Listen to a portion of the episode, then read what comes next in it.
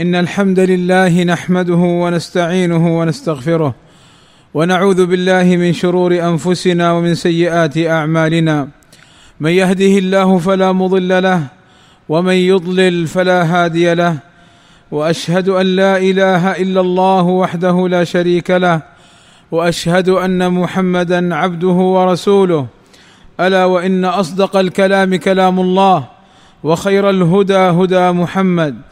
وشر الأمور محدثاتها وكل محدثة بدعة وكل بدعة ضلالة وكل ضلالة في النار.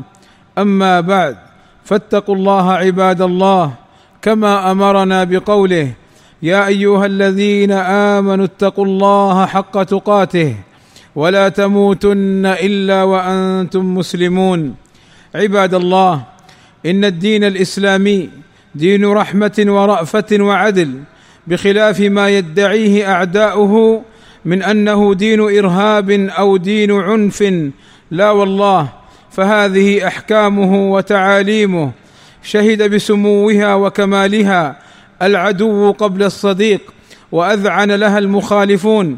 ولم يكن الدين الإسلامي يوما من الأيام دين عنف وقتل للأبرياء ولا ظلم لأحد. بل كان هذا الدين نورا ورحمة للبشرية جمعاء سواء لمن اعتنقه أو لم يعتنقه. فقد حرم الظلم والاعتداء على الآخرين وحرم القتل والسلب والنهب وإشاعة الفوضى والذعر وحرم كل صور الظلم. أما قال الله تعالى في الحديث القدسي يا عبادي إني حرمت الظلم على نفسي وجعلته بينكم محرما فلا تظالموا.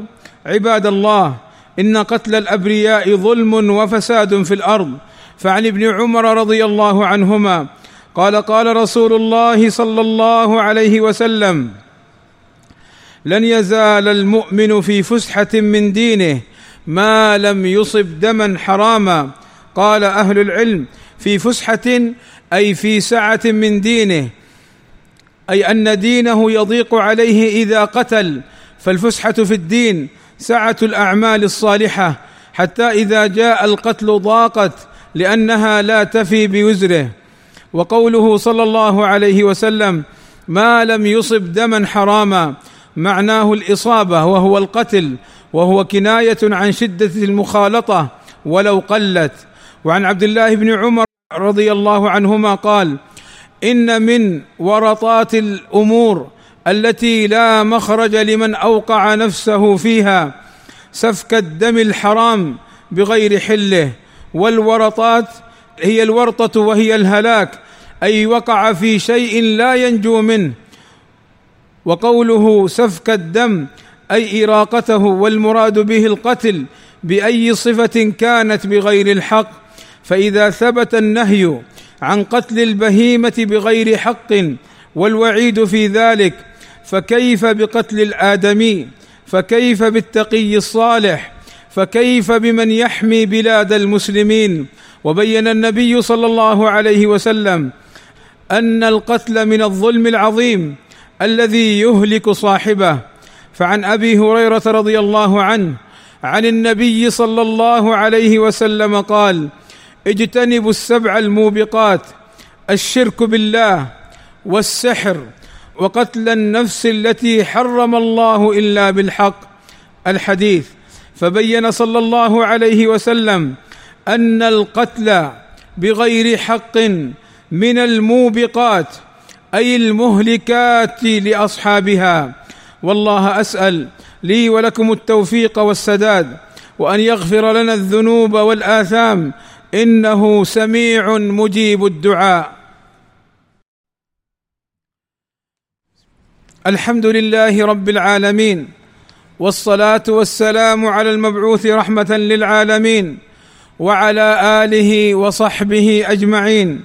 عباد الله لما كان القتل للأبرياء ظلما لا يجوز غضب النبي صلى الله عليه وسلم لما رأى في الحرب أن من القتلى النساء والصبيان فعن ابن عمر رضي الله عنهما قال وجدت امرأة مقتولة أي من المشركين في بعض المغازي فنهى رسول الله صلى الله عليه وسلم عن قتل النساء والصبيان وهناك من المفسدين في الأرض. من يدعو الشباب للقيام بعمليات تخريبية وتفجيرية ويزعم كاذبا أنه من باب الدعوة إلى الله ومن الجهاد في سبيل الله. كذب والله فليست من وسائل الدعوة وليست من الإسلام في شيء. فهؤلاء كما قال أهل العلم ما فهموا الإسلام ولا عرفوا السنة كما ينبغي وإنما تحملهم الحماسة والغيرة لإزالة المنكر على أن يقعوا فيما يخالف الشرع كما وقعت الخوارج حملتهم الغيرة للحق حملهم ذلك على أن وقعوا في الباطل حتى كفروا المسلمين بالمعاصي والذي عليه أهل السنة وهو الحق أن العاصي لا يكفر بمعصيته. ما لم يعتقد أنها حلالا فيستحلها. فإذا زنى لا يكفر وإذا سرق لا يكفر وإذا شرب الخمر لا يكفر ولكن يكون عاصيا ضعيف الإيمان فاسقا تقام عليه الحدود من ولي الأمر ولا يكفر بذلك إلا إذا استحل المعصية وقال إنها حلال وما قاله الخوارج في تكفير العاصي باطل وتكفيرهم للناس باطل. عباد الله ان ما حصل في القصيم في الأيام الماضية من قتل بعض رجال الأمن وقتل بعض الآمنين. لا شك أنه داخل في الوعيد الشديد الذي ذكره النبي صلى الله عليه وسلم. ولا شك أنه يخالف تعاليم ديننا الحنيف. فدين الإسلام الذي جاء به محمد صلى الله عليه وسلم أكمل الأديان وأفضلها وأعلاها وأجلها وقد حوى من المحاسن والكمال والصلاح والرحمة والعدل والحكمة ما يشهد لله تعالى بالكمال المطلق وسعة العلم والحكمة ويشهد لنبيه صلى الله عليه وسلم أنه رسول الله صلى الله عليه وسلم حقا وأنه الصادق المصدوق الذي لا ينطق عن الهوى إن هو إلا وحي يوحى شاهد لله بالتفرد بالكمال المطلق كله ولنبيه صلى الله عليه وسلم بالرسالة والصدق ودين الإسلام دين رحمة وبركة وإحسان وحث على منفعة نوع الإنسان فما عليه هذا الدين من الرحمة وحسن المعاملة والدعوة إلى الإحسان والنهي عن كل ما يضاد ذلك هو الذي صيره نورا وضياء بين ظلمات الظلم والبغي وسوء المعاملة وانتهاك الحرمات وهو الذي جذب قلوب من كان قبل معرفته ألد أعدائه حتى استظلوا بظله اللهم وفقنا للعلم النافع والعمل الصالح واتباع سنة نبينا محمد صلى الله عليه وسلم.